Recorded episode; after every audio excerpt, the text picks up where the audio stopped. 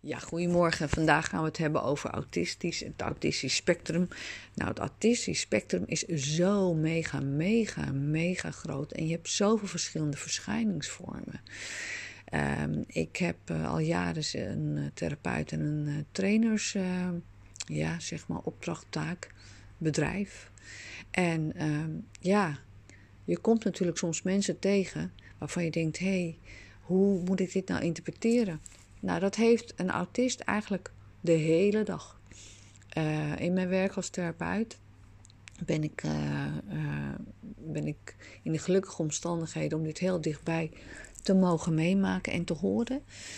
er zijn op Netflix trouwens, by the way, hele mooie over het autistisch spectrum.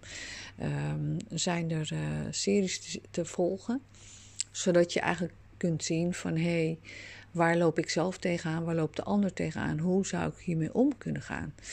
En uh, ja, zoals je waarschijnlijk wel weet, is autisme een spectrum. En ja, dat komt natuurlijk uh, in vele verschijningsvormen.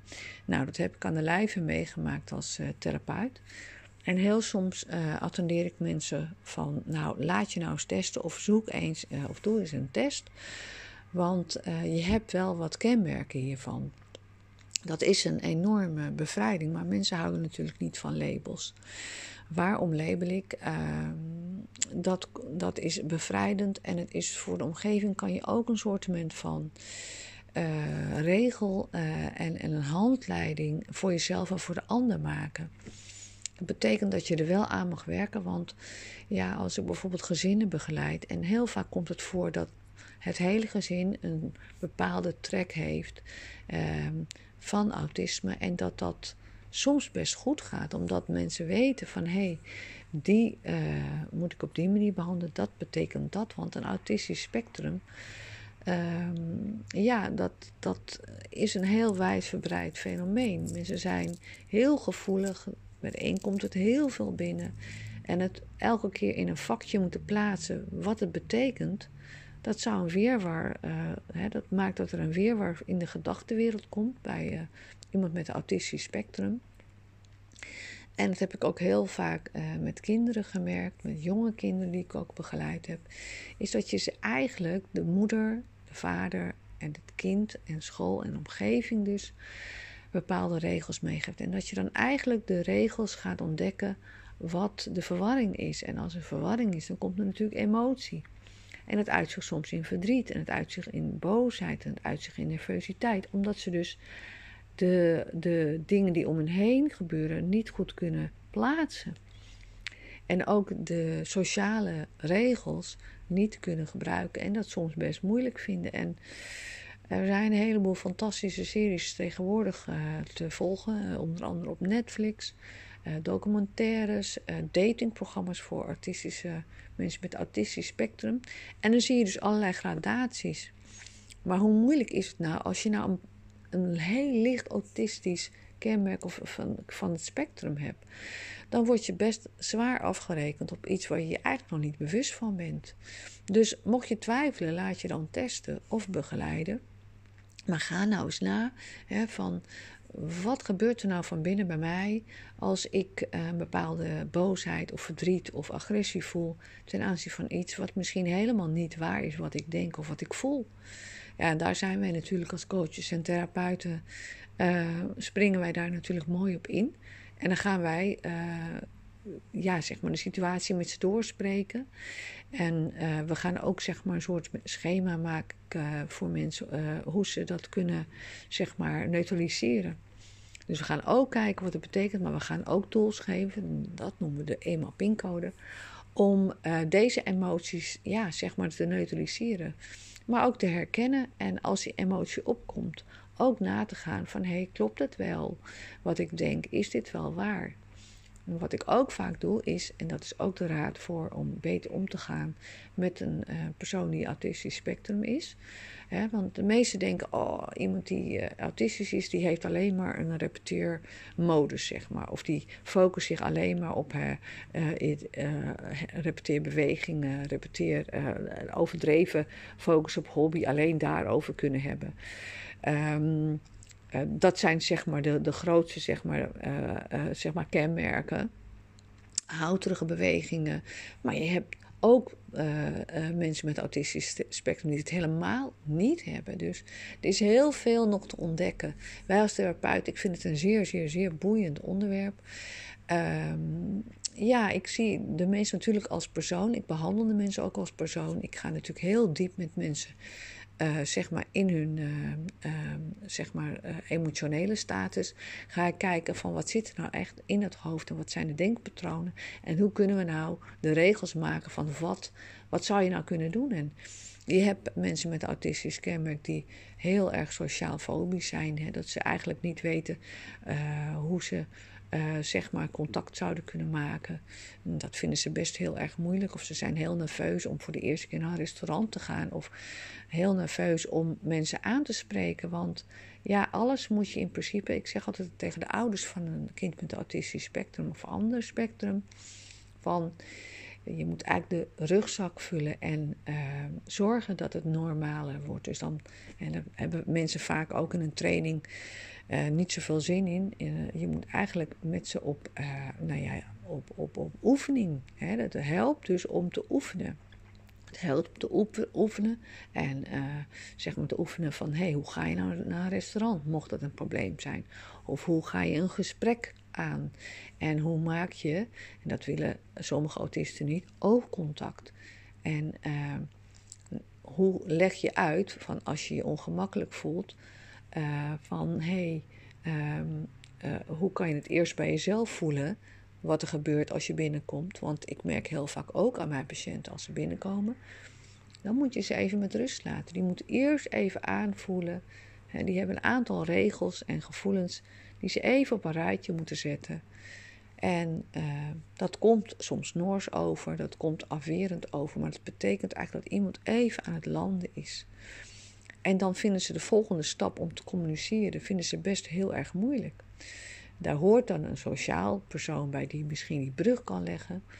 Maar het is natuurlijk ook heel fijn om uh, iemand met een autistisch spectrum, om die te leren hoe ze contact mogen leggen. En daar bijvoorbeeld zijn mooie programma's over hoe je iemand kan helpen uh, om een brug te slaan. Want ja, anders dan komt er natuurlijk een enorme eenzaamheid naar boven.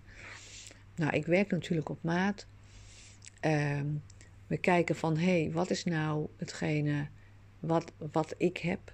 En wat is nou het liefste wat ik zou willen hebben? En waar stuit ik op? En heel vaak, uh, ja, ik werk natuurlijk met basisbehoeften. En de basisbehoefte kan zijn respect of bewondering. En uh, nou, daar gaan we natuurlijk op in, in het maatwerkconsult. Uh, we kunnen natuurlijk ook via de in, eenmaal pincode dingen neutraliseren. Uh, maar vaak is het zo dat we heel vaak, zeg maar, als we een lang en een dichtbij traject hebben, dat duurt een half jaar, dan gaan we na van hé, hey, wat was nou de situatie en kunnen we misschien een regel van jou veranderen? Hè, dan gaan we dus um, proberen om via een videocall gaan we in die week tussen de lange sessies door. En mijn sessies duren één uur, twee uur, soms drie uur. En dan gaan we kijken van wat is er nou met je gebeurd en welke regels zou je kunnen veranderen. En laat ik zo dat letterlijk opschrijven van hé, hey, zou je misschien daar iets aan kunnen doen? En hoe ver zouden we nog uit je comfortzone kunnen gaan om te kijken of het ook ja, wenselijk is en draagbaar is voor de omgeving. Want als jij natuurlijk altijd die op tijd modus hebt en iedere uh, persoon met de autistisch spectrum is uh, uniek. Dus bij de een kan ik niet zo heel erg stretchen, maar bij de ander wel. Je hebt natuurlijk ook allemaal gradaties. En um, wij als therapeuten en coaches kijken altijd van um, wat zouden we nog kunnen doen en hoe, uh, hoe kunnen we dit nog stretchen. Nou, vaak ga ik die regels na en wat dat dan betekent.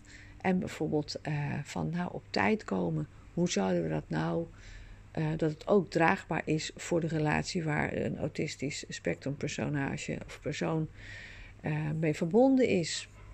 Hoe zou deze persoon nog kunnen stretchen? Dat hij zegt van nou, dan ga ik bijvoorbeeld als ik op tijd wil zijn voor een film, dan ga ik zelf eerder naar de film. Dan hoef ik de ander niet zo op te jagen. Komt er geen boosheid, komt er geen ruzie. Want dat is namelijk uh, heel belangrijk om op tijd te zijn voor iemand met bijvoorbeeld een spectrum, autistisch spectrum Dus als dat zo is, gaan we altijd naar oplossingen zoeken. Wat ook heel belangrijk is, dat mensen leren om te communiceren wat ze voelen vanuit rustige modus. En daar werken mijn oefeningen altijd heel goed voor. Van hé, hey, trek je dan even terug als je bijvoorbeeld een soort uh, fobie krijgt of een gevoel krijgt of een angstig gevoel krijgt. Ga je even terugtrekken. Uh, hè, want, want vaak is boosheid is het niet. Het is vaak verdrietig gevoel of eenzaam gevoel. Of ja, ze hebben ook verlatingsgevoel uh, verwijderd voelen, gekwetst voelen, eenzaam voelen. Nou, daar hebben we allerlei oefeningen voor. En als je dat dan neutraal hebt, dan kan je kijken wat je zou kunnen doen. Dus we gaan bij iedereen ga je, je moet dus zorgen dat je een soort scenario maakt. En uh, waar ik heel veel succes mee heb, is uh, dat ik leer om mensen hun gevoel te bespreken en te kijken of het klopt.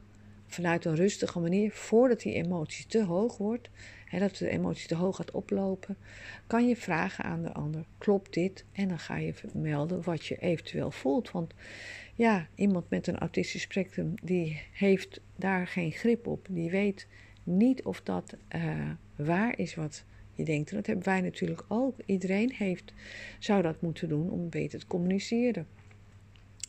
Um, ik heb bijvoorbeeld ook een patiënt die uh, alles letterlijk neemt. Dus als ik bijvoorbeeld tegen die persoon, of je hoort dat deze persoon tegen vrienden, dat hij bijvoorbeeld een cadeautje meeneemt of iets meeneemt. En die persoon zegt van nou, ik heb het nu niet nodig of ik vind dat niet mooi.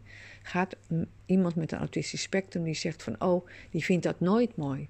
Of als die persoon vandaag geen jam lust, dan is de vertaling van die persoon, deze persoon lust geen jam.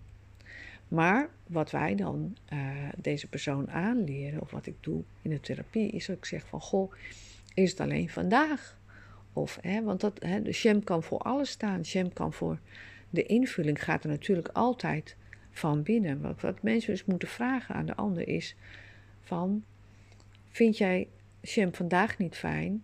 Of vind je dit vandaag niet fijn? Of vind je dit nooit fijn? Of wil je dit nooit meer? Want eigenlijk is het dan heel resoluut dat de ander zegt van, oh, jij vindt dit nooit mooi, dus die persoon krijgt nooit meer sham. Dat is natuurlijk hilarisch, hè? Dus eigenlijk um, is dat eigenlijk de vertaling. Nou, en dat zijn mensen met een autistisch spectrum proberen dus eigenlijk altijd in een soort vakje te plaatsen om het overzichtelijk te maken.